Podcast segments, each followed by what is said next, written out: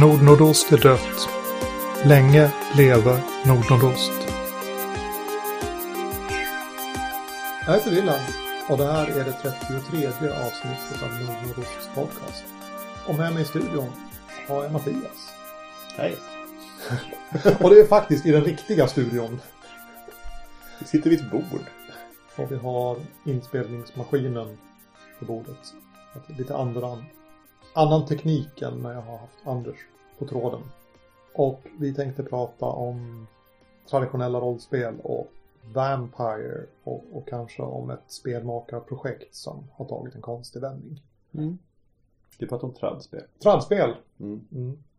Ja, det kan man ju sluta spela. Alltså. det är ganska svårt att börja spela känns det så.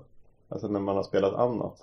Det, alltså det är ganska svårt att, att, att börja spela Trad igen. Ja, men när jag har haft nybörjare som inte har spelat vare sig trad eller hippiespelen då. Mm. Och så ska jag förklara, så här spelar du ett tradspel, Call of Cthulhu eller Mm.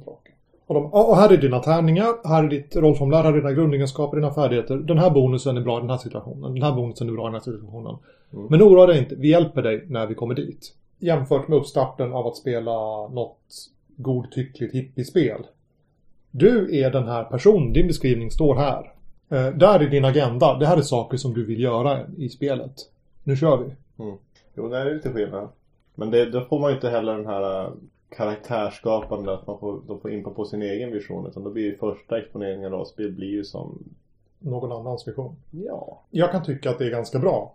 Därför att Nu kommer det komma något elitistiskt Nu- här. nu- nu kommer- nu Nya spelare. med nya spelare. Nej, om man inte fattar grejen. Alltså okej, jag har fått ett formulär här och du säger att jag kan vara en krigare eller att jag kan vara en trollkarl. Liksom. Vad, vad, vad betyder det? Vad är bra att vara? Mm. Sådär, det är ganska, ganska lite svårt att ta på sådär liksom. Det, det, är må- det är många nya saker och dessutom måste jag fatta beslut som tydligen är ganska viktiga. Innan vi ens har börjat spela. Just det. Det är som bara uppstarten. Jämfört med situationen att här, två färdiga rollpersoner kanske. Du kan vara en uppfinnare eller du kan vara konstapel. Liksom vä- väldigt sådär tydligt och man vet båda de här två är bra att vara i spelet. På, på något vis. De, de fyller båda en funktion och jag kan välja att vara den eller jag kan välja att vara den. Men poliskonstaplar har fina knappar på jackan. Jag vill vara poliskonstapeln. Liksom. Så det tror jag på. Och även rent allmänt att ge nybörjarna färdiga rollpersoner. Mm. Och sen när man har spelat en eller två gånger så att de liksom har liksom fått känsla för jaha men det är så här ro- rollspel görs eller så här man gör. Då kan man liksom lägga på komplexiteten att Ja. göra gubbar. Ja. Ja, men. Alltså de gångerna på sistone som jag har, har spelat trädspel och så introducerat helt nya personer in i, in i trädspel. Då har de ju kommit in i en... Alltså om man inte ska spela med en grupp där alla är, är nybörjare. Men, men säg att vi som senaste gångerna så då har jag spelat med tre spelare varav en eh, har varit helt grön från början. De andra har lite de har lite idéer om vad de ska spela. De har spelat ett bra tag. De har spelat med mig också ett bra tag. Så de vet ju lite grann vad, hur jag brukar spela tradspel. Det har inte, jag har inte upplevt det som att det har varit så svårt för dem att komma in. Liksom att de har blivit så helt överväldigade av optionerna. Sen är det lite konstigt att spela rollspel överhuvudtaget. Det är ju en, en märklig aktivitet om man inte har gjort det tidigare. Men, men just det här med att, att det har varit för många val. Eh, sist var det ju Dungeons and Dragons 3.5 det är ju, det är ju hyfsat komplext för att vara tradspelen och det är många val och mycket grejer och man kunde multiklassa från början i den här kampanjen också så här. Och så bara, ah, vad ska jag göra för någonting så här. Det blev en Rogue. Men det funkar ju alldeles utmärkt och det är ju som, och en ganska intressant Rogue också. Det var liksom en, då var det en hel del här rogiga saker. Det var väldigt klassisk rogue på, på många plan liksom. Men det var ju med en twist så här, och det var med, med relationer till de andra karaktärerna och sådär.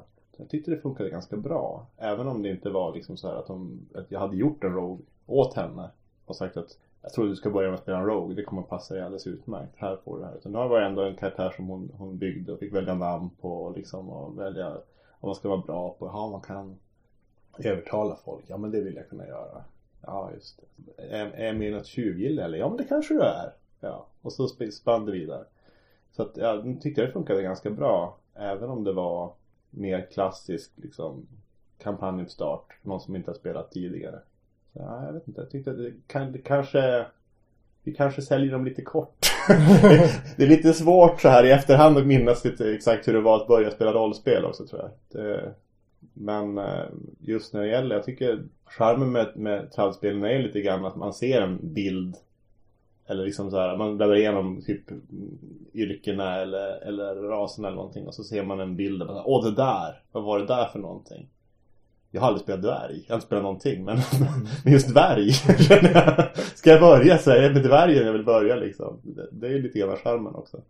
Så det kanske kom, försvinner lite grann när man kommer in i ett, ett mera färdigt sätt, ett typiskt spel liksom och sen så har man en viss karaktär som man förväntas spela då istället man tar bort den här man, man, får inte riktigt börja från början på något sätt. Vi fick ju börja och verkligen göra den här resan genom trallspelen med liksom att börja och göra alla misstagen som man ska göra från början på något sätt.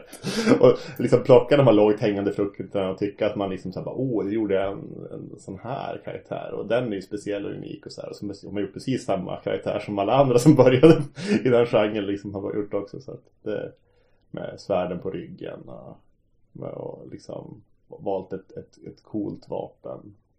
Alla har, man har, man har tagit tvåhandsyxan för den är ju den är ju stor och fin och gör mycket skada och sådär. Ja, har man sett i tabellerna. Ja, den, alla springer runt med en sån.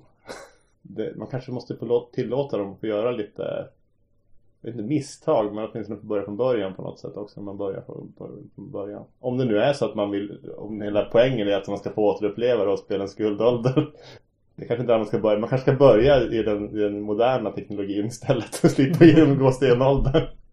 Ja, jag är övertygad om att man kan ha trevligt på, på, på det viset så, som du presenterar. Och, och så har jag gjort tidigare själv också. Alla vänner som började spela rollspel efter mig under 20 års tid blev mm. introducerade på det viset. Liksom. Ja, men, så här spelar man rollspel. Vi, bör, bör, vi, börjar, vi börjar här. Krigare är ganska bra på att lära magireglerna. Men det var liksom det, de stödhjulen man fick och sen så kör man liksom. Mm. Om du går till körskolan. Så jag ska behöva köra bil. Ja men vad bra. Innan folk körde bil. Så red man mycket. uh, ja, ja, vi, vi, vi, bör, vi börjar där. Vi, vi, vi, vi börjar på ridskolan helt enkelt. Så att du förstår sammanhanget här. Och, och i det perspektivet så tycker jag kanske att ska vi göra ridskolan innan vi börjar köra bil? Bara för att folk, folk gjorde så förr i tiden. Ja, alltså det, det, som jag kan tänka mig kan vara lite svårt och det känner jag nu också när jag försöker spela lite mer tradspel igen då. Och har spelat, så åtminstone nu försöker vi göra det här experimentet där vi ska spela, spela Vampire Second Edition som det var skrivet. Och vi sitter där och funderar på hur, hur fanken ska man kunna springa omkring med ett äventyrargäng. som det ändå är det som beskrivs om man lusläser reglerna så, så står det att det ska liksom inte vara några större konflikter inom gruppen egentligen. De ska gärna rollspela mellan varandra men konflikterna är inte där.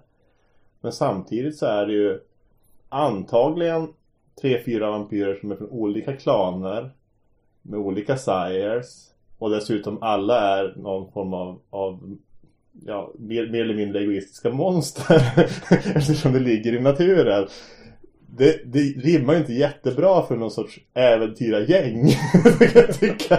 Utan det känns ju som att det blir, kan per automatik finnas en massa eh, inneboende konflikter i det där. Som man då ska sopa under mattan på något sådär lite Reosek-mackorna sätt liksom och bara, bara i, på något sätt ett, snyggt ignorera varenda gång man ska starta upp en Vampire-kampanj så ska man ha den här övningen för sig liksom. Och det är ju inte så himla lätt.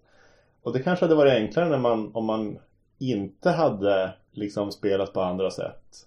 Och liksom blivit, blivit tintad av andra spelformer inom rollspelsgenren på något sätt. Att det hade varit enklare att kunna ta till sig det där från början och få det att funka. Så frågan är om man nu när man, när man ser att det kan vara att det är lite svårt att tänka om om man ska försöka spela tradd igen.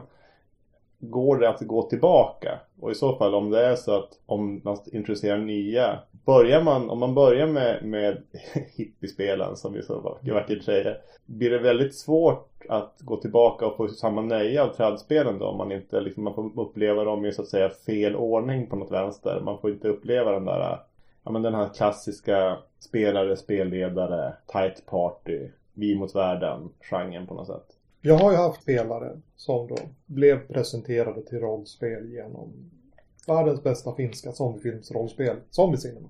Som ju då är spelledarlöst och, och, och väldigt regelrätt. Och så har vi spelat det några gånger och de bara, ja men rollspel är kul, jag, jag vill spela mer liksom. Så bara, ja, idag ska vi spela, det kan ha varit höstdimma vi skulle spela, jag minns men det var, det var, det var något, Mm. något tradd liksom. Bara, här är ditt rollformulär. Ja, vad är det här för någonting? Liksom, det finns inga rollformulär i Zombies Inno. Ja, och du, du spelar alltså figuren som är på ditt rollformulär.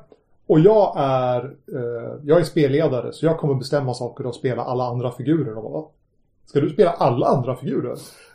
Jag tyck, tyckte det var liksom helt liksom ett väldigt konstigt, konstigt koncept att någon sköter allt det andra liksom. Ja, men ska jag bara få, bara, bara, jag spelar bara den här rollen alltså. Ja, du spelar bara den, den rollen liksom. Och så, och så lägga till vad, vad, vad, vad, vad den ser och så. Nej, nej men det, det berättar jag. Du är trollkarlen från oss. Ja, precis. Och så provar de liksom ja, men det, det, var, det, var, ju- det var ju jättekult att, att spela på det viset. Så, så, annorlunda. Alternativt spelsätt. Ja, men det, det var liksom, det här, det här är ju ett, ett, ett alternativt spelsätt ur deras perspektiv. Och de, de kunde ändå ha, ha, ha roligt med det och liksom uppskatta det för, för att det var ett annat spelsätt. Och då hamnar jag gärna i, i tänket som jag ser på, på i, i diskussionsgrupper och man, man pratar med folk som har spelat ganska få spel. De bara, få spel, citationstecken då, men om man har spelat 5-10 spel och de är hyfsat i samma fåra. Mm. Då säger man, ja men det här spelet, det är bra. Det, det här är ett bra spel, det är bättre än det här spelet. Det kan jag säga objektivt. För att här, här så går ju faktiskt grundegenskaperna mellan 3 och 18. Och i det här spelet så går de mellan 1 och 5. Och då är det uppenbart att 3 och 18 funkar bättre. Mm. Men 3 och 18 är kopplat till en viss typ av en form av spelande. Och, och det kanske är så att det är den formen du tycker är roligast. Och därför tycker du att det här spelet är bättre än det där. För att det passar vad du vill göra bättre än vad det andra spelet gör. Mm. Att ha den här baktanken att ja, men, det finns inga bra och dåliga spel. Det finns spel som passar mer eller mindre bra till det jag vill göra just nu. Och då att ha spelat en massa olika hippie-spel då, för de kan spreta ganska rejält i vad de gör och hur de gör det. Mm. Det skapar liksom en förståelse för att jag vill ha den här upplevelsen, men då ska vi spela det här spelet. Och den dag man inser, jag vill ha, jag vill ha trad-upplevelsen. Då blir den bara ännu ett, en, en gren på det här trädet av olika spelupplevelser man kan få. Och då kan man ta trad-spelet och säga, det här är ett bra spel Mm. för det som jag vill göra just nu. Och jag hoppas att det är där vi är med, med Vampire. Mm. Och på, på något vis liksom, ja men det hade varit coolt att spela någonting med liksom en spelledare. Och, och vi ska ha rollpersoner liksom och vi ska slå ganska mycket tärningspölar och sådär liksom. Och det är den upplevelsen vi vill ha. Men då ska vi inte spela Zombie Cinema. Zombie Cinema är ett fantastiskt spel. Mm. Men, men det ger ingen av de sakerna. Alltså, därför ska vi spela Vampire. Och sen tror jag att nu när vi har suttit och, och faktiskt lusläst regelboken och tittat på vilken spelupplevelse vill Vampire ge oss? Och bara, ja, vi kanske var lite förhastade i valet av...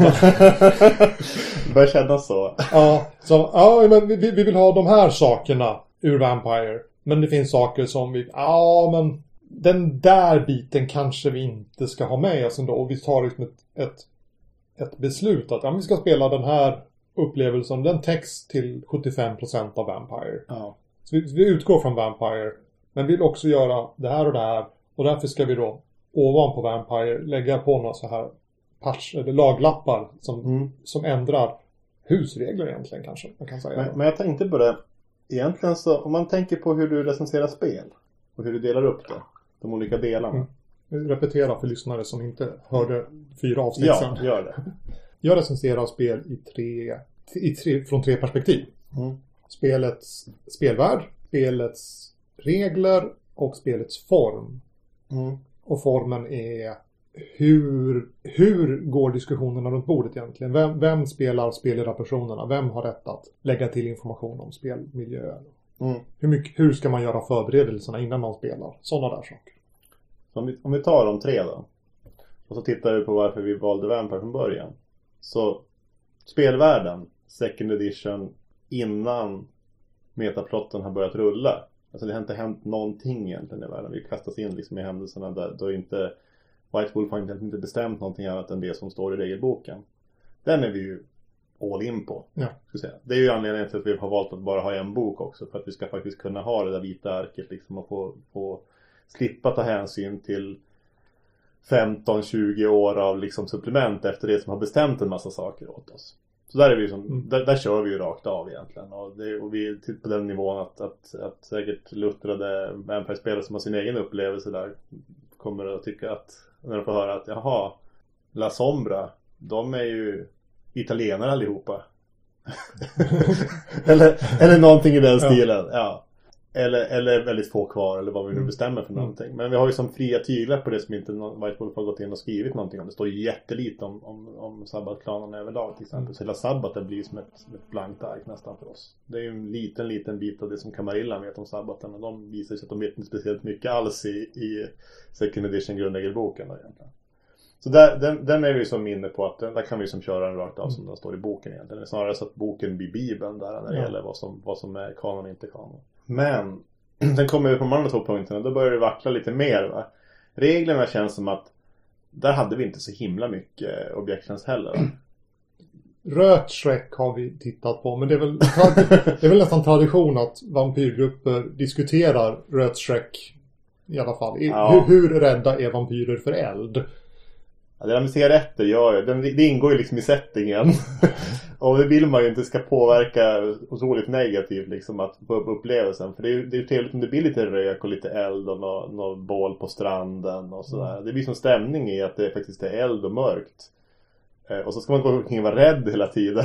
Fast man är monstret. Det blir lite tufft. Men, men jag kan tänka mig, alltså jag har ju pratat med det här med, med, med lite olika folk då, sen, sen Ja. vi började prata om det. Och det var, ja men det är jättecore, det är jättecentralt i den upplevelsen som de vill ha när de spelar Vampire. Ja, men är, är det som ett, ett farande, det farande gnista så ska du slå röd check. För det är det som är coolt att vara odjuret liksom. Mhm. Så att för dem, det, är- det, är, själva, det är själva Vampire. Det, det är hjärtan. Och det, det, den regeln kan man inte ändra på. Det finns andra saker man kan ändra på. Men den regeln kan man inte ändra på. Nej, men det blir som en del, en del filmer som man tänker på till exempel som Lost Boys. Ja. Där är ganska mycket eld. Ja. Har, har jag känsla av. Eh, och de tycker ju att det är rätt coolt. Ja. Det, det går ju princip inte att spela Lost Boys med de, med de reglerna egentligen. Även om det är en av, av inspirationskällorna för, för, eh, för spelet. Då. Ja, där har vi väl sagt att vi ska ha husregler. Men i övrigt har vi inte hittat sådär jättemycket Nej. som vi känner att vi måste ändra på. Nu har vi inte sett reglerna i aktion heller kan vi säga. De kanske inte funkar riktigt som vi tror att de ska funka. Men... Men, men vi har lagt en... Ja, vi, vi tittade på spelvärlden och där la vi en liten laglapp i alla fall. Ja, Ja, vi, vi spelar den här boken. Världen är som den är. Reglerna är nästan som de är. Men, men vi har på, på rött, rött regeln så har vi, har vi ändrat lite grann. Liksom. Mm. Det har, och det har vi haft en öppen diskussion om. Att mm. Reglerna är som de står, men här har vi, här har vi gjort ett avsteg. Då. för, för hur som vår spelstils bästa egentligen. Ja. Och sen kommer vi till formen. Och det är väl där lite grann vi börjar vackla. Redan från början tror jag vi sa lite grann att ja, men vi kanske ska ha flera spelledare till exempel. Och sen gick vi tillbaka och började läsa boken och jag tänkte så här, ja fast vi kanske ska försöka, göra ett försök ändå liksom att spela det som det är tänkt att det ska spelas. Men vi får ju inte riktigt ihop det. Känner jag. det, det, det, det, det blir lite grann om vi skulle spela det som det är tänkt att det ska spelas så ska vi spela ett vampyrgäng som håller ihop och som kämpar mot yttre faror på något sätt. Ja, ja. Alltså det, och, det, och det låter ju mera som Dungeons and Dragons eller Drakar och Demoner eller Svärd och Svartkost eller vad som helst. Det, det, det låter inte riktigt som Vampire. Alltså man tänker sig så här, när man hör, alltså, jag, jag spelar Vampire, då tänker man ju liksom politik och de här bitarna. Och det är inte nödvändigtvis en gruppaktivitet kanske. Alltså just det här med det, det, den, den här liksom finmaskiga, eller den här Komplicerade väven av politiska agendor som uppstår Ja. mellan vampyrerna. Precis. Att, att blanda sig i den där är kanske inte någonting där fem vampyrer tillsammans äventyrar liksom och tillsammans går och förhandlar med primogenerna och, och, och sådär och liksom verkligen har de här pilarna som pekar utåt ur, ur spelgruppen. Ja, den här, de här fem vampyrerna som då, om, om man kör enligt grundreglerna och så är ju de flesta av dem generation 13.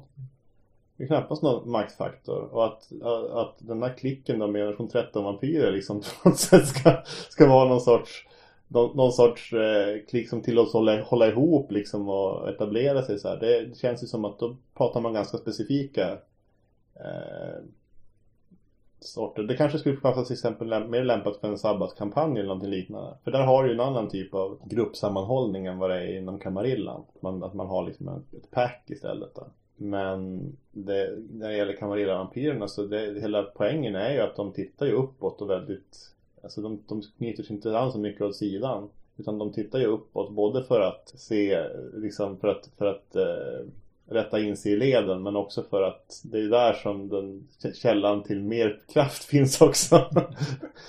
på sikt. Så att det, det, det, känns inte som att spelformen riktigt hänger ihop med, med settingen där. Särskilt eftersom man börjar i Camarilla. Så det är frågan vad vi törs ändra där utan att känna att vi, vi inte spelar tradd längre. Om det nu är ett delmål. Och, och det får väl falla tillbaka då. Vad, vad, är egentligen målet med övningen? Ja, vi ska ha roligt. Mm. Det, det, det, är alla överens om. Rörande överens om. Mm. Vi ska ha roligt, vi ska ha trevligt och spela spel. Men hur ska detta egentligen gå till?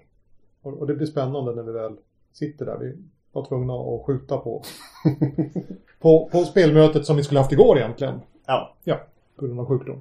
Så att än så länge så är det här fortfarande ett luftslott av, av drömmar om hur man skulle kunna spela Vampire utan, utan någon faktisk bas liksom. liksom. Vi har inte haft ett enda spel. Vi har haft ett möte där vi träffades och gjorde gubbar. Och, och pratade om spelvärlden. Och vi har en Facebook-chatt där vi liksom... Jo, och vi har, vi har diskuterat, ja men det kanske är så att vi har flera spelledare, kanske sådär. Du, du börjar som spelledare. Mm, men det, det, det, det, kanske inte är så att om det här nu blir bärkraftigt och, och, och för oss in i en kampanj, att du spelleder alla spelmötena i kampanjen eller alla story arcsen i kampanjen. Nej, precis. Vi börjar driva lite grann ifrån det här att ja, men vi kanske inte är ett antal unga vampyrer som ihopväxta vid höften och går, runt där utan vi kanske har lite olika agendor och en del av de där pilarna kommer kanske att peka mot någon annan i, i, i gruppen. I alla fall på lite sikt. Mm. Och då får vi se hur, hur det bär då. Om vi får det att funka ändå. Och det, så tror jag att en del av de här äh, mera saker som vi, som vi eventuellt kanske bryter då, det är ju det här hemligheter. Tror jag kan vara en sån här sak också. Och men, det blir intressant här nu. Än så länge har vi ju sagt att ja, men vi spelar, som jag är van att spela tradd nu på sistone, det är ju att alla är vid bordet hela tiden. Även om du går iväg så går du inte fysiskt iväg. Utan du är där som, som publik eller som Ibland så kanske du spelar någon annan roll till och med. inte så tradd. Men eh, det, det händer det också att man spelar en scen lite längre, längre bak i tiden. Man spelar en flashback eller någonting sånt. Och får ett litet kort. Du är den här personen. Du vill det här. Ehm, och så får man göra det. Det har funkat. Alltså, det har jag kört flera gånger med, med traddgrupper bara att liksom spela flashbacks på det sättet. Och det blir ju väldigt regellöst att man behöver oftast inte ha det där. Man försöker bara förklara någonting om vem är den här personen vi precis har träffat och hur relaterar den till en av rollpersonerna till exempel. Eller varför beter den, den här personen sig så konstigt eller någonting sånt där. Och det har funkat jättebra även för, för, för, för eh, grupper som har bara vana vid rent trallspel. Inte nästan någon startsträcka på det där. Och det är frågan vad vi ska göra med, med det här med att sitta vid bordet och det, när nu vi vänder pilarna inåt igen. Vill vi då ha hemligheter som är bara mellan spelledare och spelare? Och då spelledaren egentligen bara behöver veta det för att, för att världen ska kunna veta och reagera på, på de här hemligheterna. Eller kan vi kan vi spela på det sättet att, att hemligheterna är öppna för spelarna men dolda för karaktärerna? Det vill säga att alla hör allting som sägs. Tror du det kommer funka? Jag har, jag har spelat en del Den yttersta domen. Mm. Och det är verkligen det där. Alla har pilarna vända inåt allas agendor är vända mot en annan rollperson. Att ha agendor mot spelledarpersoner, det, liksom, det finns inte i spelet. Mm. Ja, om du vill ha en agenda mot en, en spelledarperson, då ska den spelledarpersonen vara en, en rollperson. Även om, om grupperna då skulle av någon anledning färdas tillsammans, de är ett karavansällskap eller pilgrims, pilgrimer tillsammans på mm. Så har man ändå alltid av nöden vänt alla pilarna inåt mot de andra spelarna. Och där, så som vi har spelat, jag, jag tror att det är så som Joel beskriver spelet än idag. Mm. Alla sitter vid bordet, alla har full kunskap om vad som sker i, i världen. Mm. Och vad som, vad, vad som sägs. Och sen förväntas man ha sån distans att man kan låta sin rollperson agera bara man bara har sin rollpersons kunskap om världen, då är det lättare att leva in sig i rollen och ha en inlevelse i, i rollens själsliv egentligen. Mm. Och båda upplevelserna kan vara roliga. Men de är väldigt olika. Och, och där är det kanske en diskussion som vi kommer att bli tvungna att ta med Vampire-gruppen. Kanske inte första spelmötet, andra spelmötet, men när, när pilarna börjar bli lite hetare och det, saker och ting börjar betyda, betyda någonting på riktigt. Vad vill vi ha? Vill vi leva in oss i våra rollpersoner och se världen genom deras ögon? Eller vill vi sitta lite grann ovanifrån och, och leva in oss i hela staden och vad som, vad som sker i vår berättelse? Där får vi inte så mycket stöd från vare sig eh, Vampire eller många av tradspelen heller. Att en av de första reglerna som det brukar stå i, i eh, de här brukar ju vara att det här är ett spel men du kan inte vinna. Och det, där är, ju- och det är ju faktiskt en skillnad mot många indiespel till exempel där det faktiskt finns att du kan, du kan ju vinna. Det En, en karaktär kan vinna, de andra kan förlora. Och i det här fallet då, det är frågan vi är alla överens om att vi ska ha roligt och sen blir det egna personliga agendor. Bara alla är okej med det så är det naturligtvis okej att offra de personliga agendorna för historiens skull. Att det liksom är Det kanske är, är ehm, det kanske blir en bättre historia av att en svag person liksom misslyckas med sin, med sin agenda. Det blir intressantare efter, efterföljd på det och det blir liksom intressantare spel därefter. Någon sorts redemption när allting har gått åt, åt fanders. Kanske en intressantare historia än när, när, när alla planerna faktiskt gick i, gick i lås. Då. Och där tror jag som du, du också, jag tror vi måste vara överens inom gruppen vad vi vill ha för upplevelser och regler sinsemellan på något sätt. Mm. Åtminstone att vi En, en code of conduct mellan spelarna på, någon, Ja, på, på något vis. Det är, det är inte liksom hur, hur, ska vi slå, hur ska vi slå färdigheten men utan vad är, vad, vad, vad är liksom hur ska vi spela på konflikten mellan din rollperson och min rollperson? mm. Går vi, går vi all in? Ska vi försöka sätta fällor och skicka lappar till spelledaren? Eller ska vi se vart historien för dem och vi har liksom full insyn båda två så ser vi vart det, vart det kommer och det, och det är grejen. ja Och, precis. och ifall vi går upp och tittar, tittar neråt på rollpersonerna då blir att, att min rollperson vinner det kan inte vara det högsta målet. Det är Nej. att se min, min, se min rollperson försöka vinna, det kan vara det högsta målet. Men att se Precis. min rollperson vinna kan inte vara det högsta målet. Nej, precis. Nej, just det där med lappskickandet och det här med spel, spel i enrum har alltid stört mig. För det, det finns ingenting som är så... Det är så uppenbart att man missar någonting som spelare. Att man går miste om någonting. Och det är ju inte någon jätterolig känsla egentligen. Alltså visst, det kan vara så spännande. Och nu har de en hemlighet för varandra, men det är sällan som man tänker. det, det är mer så här, jaha. Ja, ja, nu, nu, nu håller de på med någonting jätteintressant och jag är inte med ens som publik i det. Så på det sättet har jag ju alltid, så åtminstone de senaste 20 åren, föredragit liksom öppen ridå. Att, att spela liksom med, eh, med eh, alla spelare vid bordet och liksom ganska hög snittspeltid på något sätt. Då, så att, vi, att alla får, får mycket, mycket rampljus och väldigt lite som försiggår i övrigt. Då. Det blir inte så mycket, inte så mycket tepauser och sådana saker heller. då, Men då kan man ju ta gemensamt istället och faktiskt ha trevligt då också. Så att det har jag upplevt som en bättre social form för att spela än, än att faktiskt spela en massa genrum. Och det är ju det är naturligtvis så att om man spelar andra spel då de andra spelarna har mer av, av eh, aktiviteter. Till exempel att de spelar andra karaktärer eller någonting sånt nu när den här, den här en mot en scenen pågår då. Så då är ju kanske det till och med ännu bättre. Men ibland kan det vara ganska skönt att bara vara publik också. Att inte ha en, en uppgift. Utan att faktiskt få se spelet spelas på något sätt och tycka att det är intressant. Kanske applådera. eller åtminstone liksom skratta när det, när det går, när det går liksom bra eller dåligt eller blir hejdlöst roligt. Eller Ja. vad det nu kan tänkas vara. Jag hoppas att vi inte kommer skratta så mycket just i Vampire. att, det, att, att det ska vara andra, andra sinnesstämningar vid bordet. Slapstick Vampire. Ja, Vampyrbuskis. vampyrbuskis. Jag tror inte att det är upplevelsen jag är ute efter. Nej, det kanske det, det tror vi överens om. Vi får se, se hur man ställer sig till det.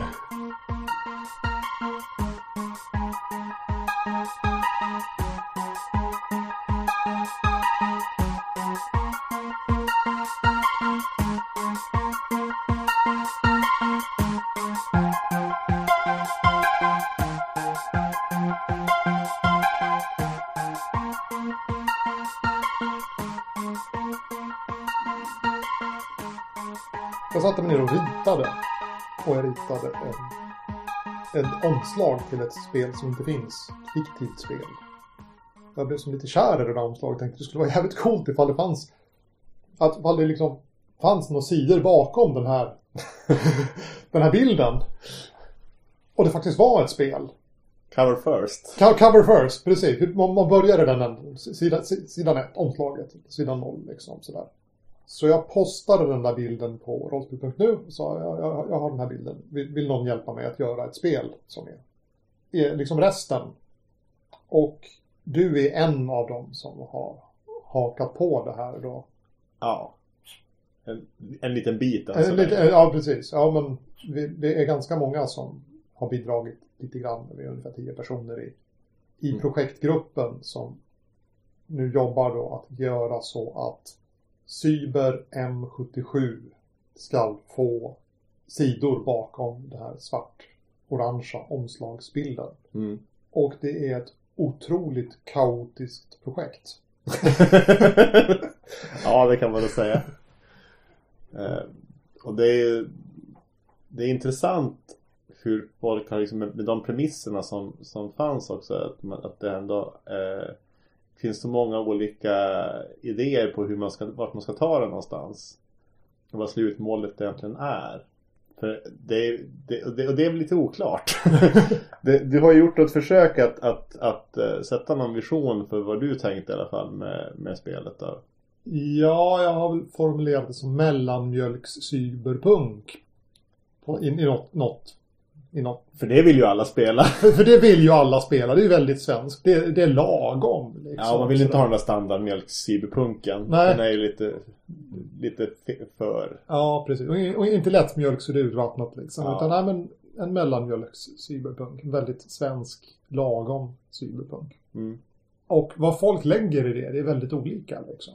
Det, det, det, och det är roligt att se, för då, då ser man verkligen vilket eh, stort spann det finns. För att jag känner dig då, du, du är med i projektet. Och, och alla de andra är människor som jag möjligen har träffat någon gång. Sådär. Men de Mm. flesta jag har inte ens gjort det, utan det är, det är forum, forumnick som jag, jag, jag känner de här personerna ifrån. Och en del av dem som är med, jag kan inte påminna mig om att jag har sett dem skriva någonting på forumet någonsin. De har säkert gjort det, men vi har kanske rört oss i olika delforum eller Mm. sådär. Vi har inte varit i samma trådar och vi har kanske aldrig varit osams ordentligt så att vi har liksom Som man lägger märke till som varandra. man har lagt märke till varandra, precis. Så det är en del fullständiga främlingar som liksom bara, ja men det är klart jag vill vara med i ditt projekt. Mm. Och, och så går de in och så börjar de skriva saker och man, man ser, vad, vad är det här för? Vad kommer de ur för speltradition? Mm. Vad, vad, har- vad har de för visioner av projektet? Och det är spänn, alltså roligt att se eh, vilken, vilken bred flora av, av spelstilar det ändå finns där ute i rollspels-Sverige. Alltså Mm. folk som spelar saker som man kanske tycker är det här spelet ska spelas så här. Men man, man inser att de, de i, de- i deras spelgrupper så funkar saker på ett annat vis. Precis, och det är intressant för just att det som har, vi har börjat fokusera på, det som är först på prio-listan, det är ju en hel del av den här grundläggande mekaniken som man faktiskt ska kunna spela. Alltså det, det är regler. Eh, och det är inte så jättemycket ordat egentligen kanske om formen då. Eh, det är hintar om spelvärlden och så här. Den, den spretar ju också väldigt mycket. Men det är, det är ju intressant. Men då får man istället att tolka lite grann vad vad formen ska vara på något sätt. Åtminstone vad tonen ska vara utifrån de regler som folk skriver. Vad är lätt att göra? Vad är svårt att göra? Vad finns det stöd för? Och där får man ju också, liksom, då får man också en liten bild av hur folk tänker sig att spelet ska spelas. Vad gör man under en spelomgång egentligen? Alltså vad, hur ser ett äventyr ut? Eftersom vi spelar träd vad, vad, är det, vad är det för uppdrag liksom? Vad är, vad är det för karaktärer som, som rör sig i det här? Vad kan man, vad kan man skapa för karaktärer? Vad tillåter grund, grundreglerna för någonting då? Eh, Och än så länge så finns det ju liksom bara en liten en, en, eh, bas av regler. Eh, Det finns väl en regelpöl. Där det finns alla möjliga olika regler. Och en del, en del regler är ju liksom alternativa uppsättningar. Det finns två olika versioner på, på en del saker. Men just eftersom att det inte finns de här, de här kapitlen som kanske kommer till sen. Jag menar spelledarkapitlet eller liksom formkapitlet eller eller hela den biten, så, så måste man ju som extrapolera det från det, de reglerna som finns. Och det, det är intressant liksom att se, att, att ibland märker man att vissa regler så här, jaha du tänker så. Ja, alltså då, då, det hade jag inte riktigt tänkt mig. Men aha, då börjar jag förstå vilken typ av upplevelse du är ute efter. För du tyck, vill att det här är en, en regel som ska finnas för att det ska, man ska kunna göra det här. Projektet sätter som väldigt mycket liksom fokus på det här med att, att, att regler och spelvärld och form de, de är separata saker men de är också sammantvinnade. Det, det känns som att det, det, finns ett antal grenar i det här trädet nu som vi har och vissa grenar passar inte riktigt ihop med de andra. Men vilken av kombinationerna som är den som faktiskt kommer att vara bakom det här orangea omslaget är, är oklart idag liksom. För att det, vi är inte där att vi kan säga men här har vi det, det, det, det beskurna och färdiga trädet som är det färdiga spelet utan det fortsätter att, att, att grena ut sig och, och, och växa och bli som, som, som, som subformer av spelet i, i själva textmassan. Alltså, ja, men de här sakerna hör uppenbarligen ihop och de här sakerna hör ihop. Men, men de, de båda högarna i sig passar nog ganska dåligt ihop egentligen. Mm. Nej men det, just regelmässigt så är det, det är intressant också eftersom att du har satt upp som en premiss från början att det ska vara kompatibelt med ett känt svenskt klassiskt cyberpunkrollspel med svart låda. Att man ska kunna i princip ta, ta en, en, karaktär från det spelet eller ta åtminstone kanske en spelledarperson från mm. det spelet och man ska kunna på något sätt, den ska kunna interagera med världen. Den ska inte vara lytt och halt och blind och, och så här, utan den ska faktiskt kunna fungera ungefär som det var tänkt att den skulle kunna fungera. Och det innebär ju liksom att grundegenskaper till exempel i princip är satta. Eh, och att, att färdighetsvärden går eh, i tiotal. Någonstans på skalan mellan 0 till 100. Inte nödvändigtvis stanna där men att det är, det, det, det är liksom den rymden vi rör oss. Ja. Och, och tittar man på, på spelledarpersoner i, i, i, i ett gammalt svenskt spel som kom i svart låda. Då är, är saker som de gör till, till vardags och kanske inom sitt yrke så då, då ligger man kanske runt 50 procents chans till färdighetsvärde 50 procent och i det gamla spelet slår man 300 mot det då. Mm. Och de som är extraordinära experter inom något område de ligger runt 90 på då eh, det där och, och, och, och, och det är ju liksom någonting att förhålla sig till när, nu när vi gör någonting annat som kanske inte ska fungera på samma sätt men ändå ska vara kompatibelt. Ska, man ska kunna ta ett äventyr som var skrivet till eller kanske någon, någon spelledarperson som tar. Och det ska liksom gå att flytta saker fram och tillbaka. Och ifall saker då skrivs till det här nya spelet då. Men man tyckte väldigt mycket om det gamla spelet. Då ska saker kunna liksom rinna över dit. Även om det betyder någonting annat i det första spelet. Eller mm. i det ena spelet. Men på, den, på, på destinationen så ska det fortfarande ha en funktion och vara, vara, vara spelbart på något vis. Precis. Men en, en sak vi tittade på till exempel som, som är den biten jag var involverad i. Det är ju hur färdigheterna fungerar. Och hur grundegenskaperna fungerar korrelerar till färdigheterna. För det är ju så att det är både det är många gamla fina spel. Så gör grundegenskaperna faktiskt inte så mycket alls. De, man, man gör dem från början. Och sen så räknar man ut något derivat på dem. Kroppspoäng. Skadebonus. Förflyttningsförmåga. Ja. Grundchans kanske. Ja. Men det är inte så mycket mer. Och så kanske till och med man, man får någon Man får någon färdighetspoäng eller någon bakgrundspoäng eller någonting baserat på sin intelligens. Och sen är det inte så mycket mer med det man gör med dem egentligen. Medan många spel efter det man behöver inte gå längre bort än Vampire egentligen. Men även, säg, varselklotet. Så har grundegenskapen fortfarande en effekt i och med att den är en del av en tärningspö eller åtminstone ett, ett, ett värde liksom som man räknar ihop. Där färdighet plus grundegenskap på något sätt gör någonting. Och det gör, då, då säger man ju samtidigt någonting om spelvärlden och dess sätt om lärande. Att talang eller liksom fysiska egenskaper faktiskt spelar ganska stor roll när man ska lära sig någonting och vilken nivå man kan uppnå. Och nu har vi ju försökt göra någonting liknande. För det ursprungssystemet tar inte så mycket hänsyn till det alls. Ska man kunna säga. Men nu har vi försökt göra en variant på det där färdigsystemet där man köper inkrement egentligen. Eller man köper, nej inte inkrement, vad heter det? Multiplar. multiplar. Man köper multiplar av sin grundegenskap. Och det blir ens färdighetsvärde. Form av nivåer eller prickar eller någonting liknande. Och det betyder ju både att, att det blir en, en faktisk tydlig kostnad på, på hur mycket hur mycket det kostar dig ur din, ur din pool av poäng att bli bra på någonting är ju väldigt baserat på dina grundförutsättningar då ja. Eh, Och det sätter även ditt maxtak. Ganska kraftfullt visar det sig. Har du liksom en mental styrka på sju så då spelar det nästan ingen roll hur mycket poäng du petar in i den. Du kommer aldrig att nå några större höjder liksom i till exempel då hitta som vi har satt som en sån här färdighet som ligger under, under mental styrka. Att eh, dina grundförutsättningar är så dåliga så att det, du, du kommer aldrig kunna bli särskilt bra på det. Vilket är intressant då med tanke på att den, den nuvarande framslagningsmetoden vi har för grundegenskaper är 3T6 per grundegenskap. Arrangera inte Ja. om dem. Hett, hett omdebatterat. Får, får, får, får, får väl erkännas då. Väldigt tradd. Ja, ja, men För tradd kanske till och med. Möjligen den, den, den hetast omdebatterade punkten i, i, Ja. i, i gruppen. Och, om det är rimligt att man slår 3T6 rakt av eller om man ska ha något mer viktat system. Jag tror inte det är någon som tror att det är ett bra system. Nej, Egentligen. Det är bara frågan om det, om, det, om det är värt att ha kvar det då, eller finns det ett alternativ där. För att där, där kan man verkligen se att evolutionen kanske har gått framåt när det gäller just möjligheten att få välja sitt eget öde. Och inte sitta där vid handen med en, en, en, eh, tveksamt spelbar karaktär från, redan från början. Som man på något sätt ska liksom bli exalterad över. Även om det inte matchade den visionen man hade för karaktären innan kanske. Eller så ser man det som en slumptabell. Man tar handen man fick och så gör man det bästa av den.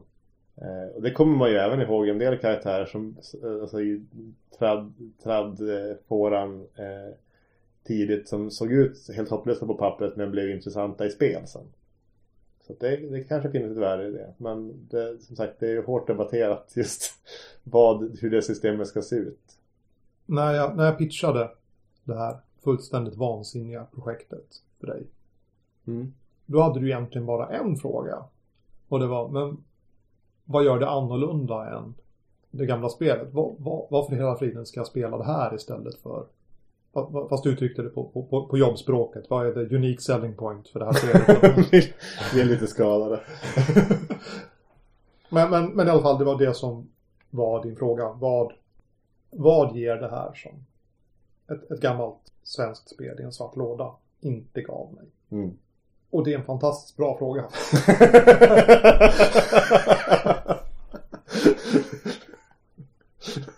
Men då har du haft gott om betänketid. Ja, jag har, jag har haft gott om, om betänketid. Eh, och jag har ju funderat. Då. Så jag tänkte att jag ska eh, försöka, försöka få med dig på tåget. Mm. Här, här då, bort- bortsett från då liksom. Sådär, att vi, vi är kompisar liksom. Sådär, Mm, mm, sådär, mm. Ja. Det gamla spelet var, eller är, ganska spretigt i texten. Och det kommer från en, en sam, en- det kommer från en tid då spel skulle se ut på ett väldigt speciellt sätt. Mm. Och jag tror att på, på de 20 åren som har gått sedan det kom så kan vi nu skriva spel som är mer pedagogiska och lättare att ta sig in i. Mm. Och jag tror och jag tycker att det gamla spelet egentligen var fantastiskt bra. Det är väl det jag håller högst i rang av, av den spelmakarens produkter egentligen. Jag tycker, tycker mest om. Mm. Men det har också en, en, en tröskel av sin ålderdomlighet som jag tror att eh, CM77 kan hjälpa folk att komma över så att de kan få upptäcka det här. Så det blir som en, en väg in i det gamla materialet. Mm. Och det är roligt att skriva spel. Mm. Det, är, det är fantastiskt roligt att, att, att, att skriva spel. Och då skriva ett spel som man redan vet att man tycker väldigt mycket om. Det kan inte bli fel. Det, det, det, kan inte bli fel. Nej.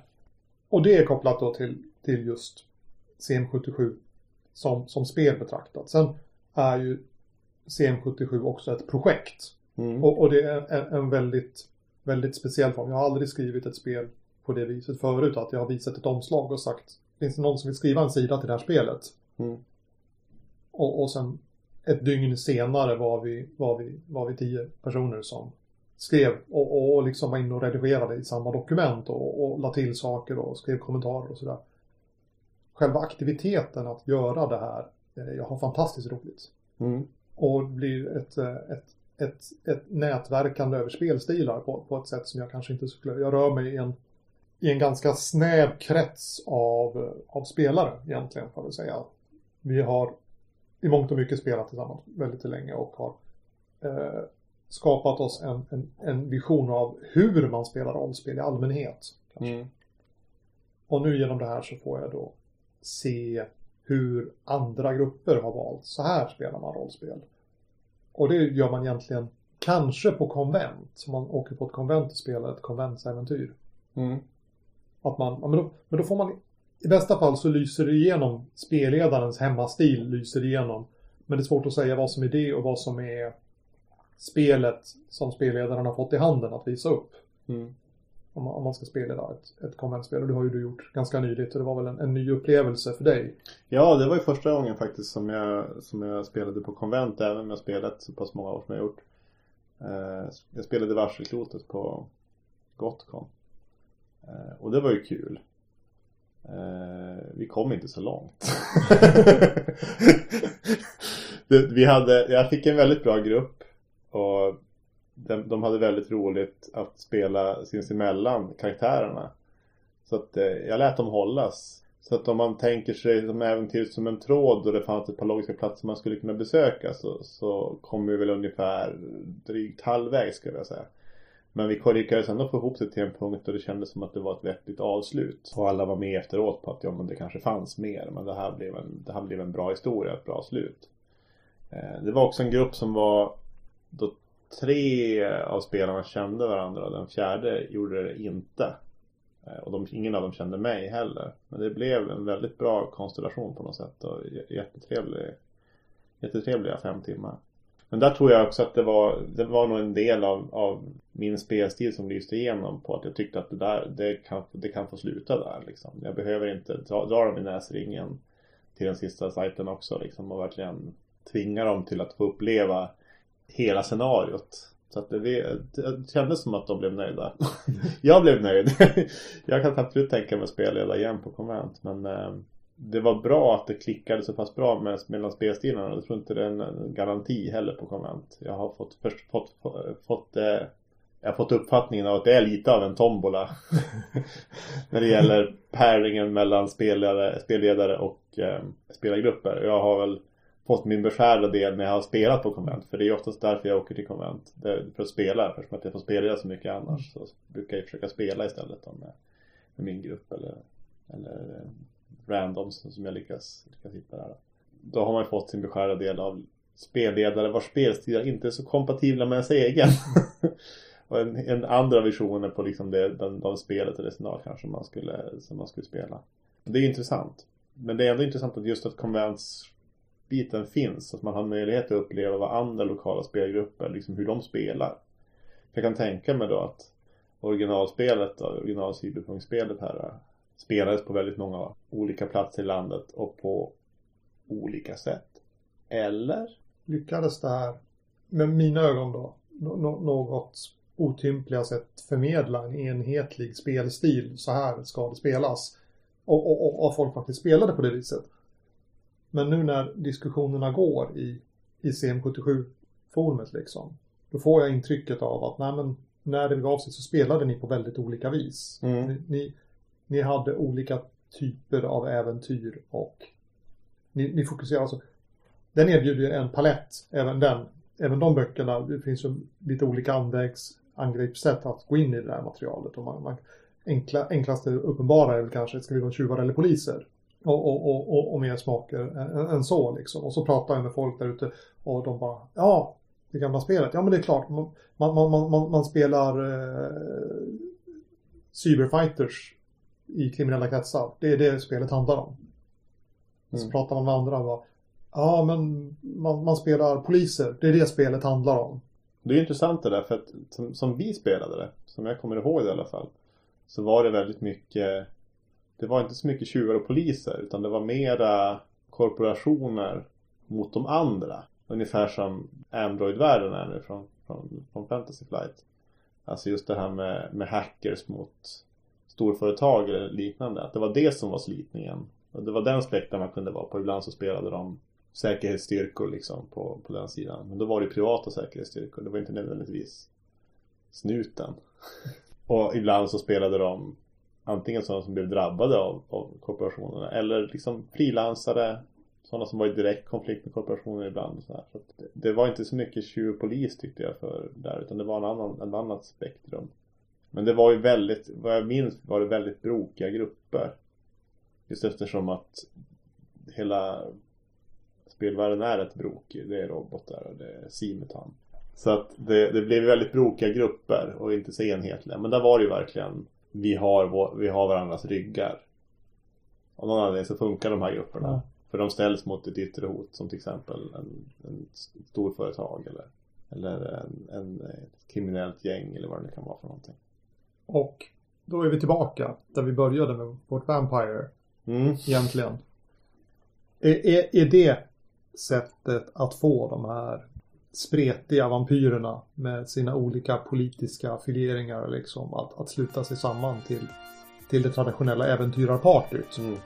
Ja, men det, det, finns någonting som är värre än era sires och det finns någonting som är, är viktigare än de, de politiska intrigerna i den här staden. Mm. Någonting som är större än det, någonting som vi måste lägga det åt sidan för att kunna hantera. Det är vi mot sabbaten. Det är vi mot sabbaten. det, det känns krystat. Det gör det. det. det. Så skulle vi kanske kunna spela, men det känns inte som det är det vi är ute efter. Min första grupp var det, fast inte mot sabbaten, utan mot varulvarna. Ja, just det. Det var, det var krig mot varulvarna och det var det som samlade vampyrerna mm. att lägga sin politik åt sidan, i alla fall tillfälligt. Vi skulle eventuellt också kunna köra något av de här grottröjsscenarierna Vampire. Gå in i en mesopotamisk pyramid och, och undvika eldfällorna. Det kanske inte riktigt heller är det, det som Vampire är bäst på.